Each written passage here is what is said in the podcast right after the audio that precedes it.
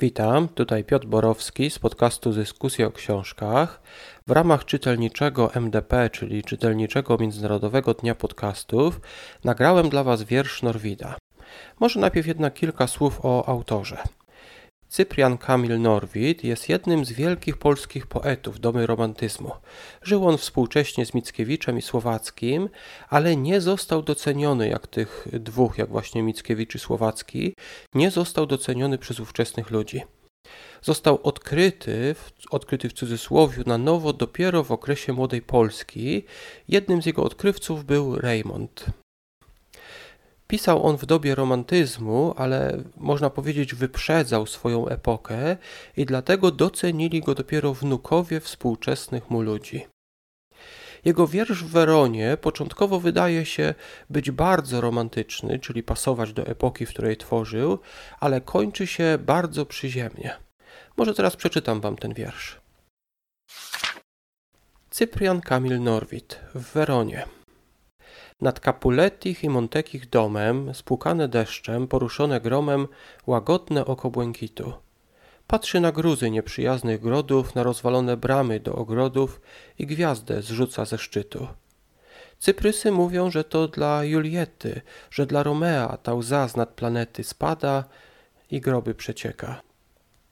A ludzie mówią i mówią uczenie, że to nie łzy są, ale że kamienie i że nikt na nie nie czeka. W zasadzie końcówka tego wiersza jest polemiką z romantycznością Mickiewicza. Może przypomnę, że Mickiewicz napisał w wierszu romantyczność. Cytuję teraz. Czucie i wiara silniej mówi do mnie niż mędrca, szkiełko i oko. A tutaj Norwid powołuje się na uczonych ludzi.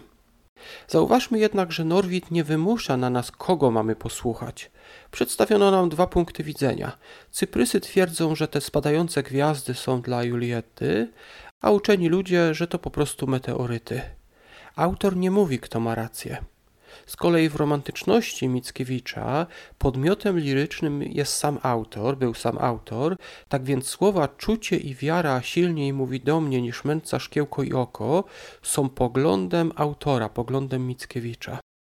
U Norwida nie mamy konkretnego podmiotu lirycznego, jest to ktoś stojący z boku, ktoś, kto po prostu relacjonuje, co mówią cyprysy i to, co mówią uczeni.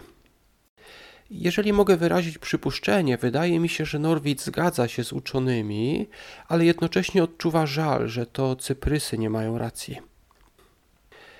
My czasem chcielibyśmy, aby niebo płakało nad naszymi tragediami, na przykład nad tragedią Romea i Julii, ale tak niestety nie jest.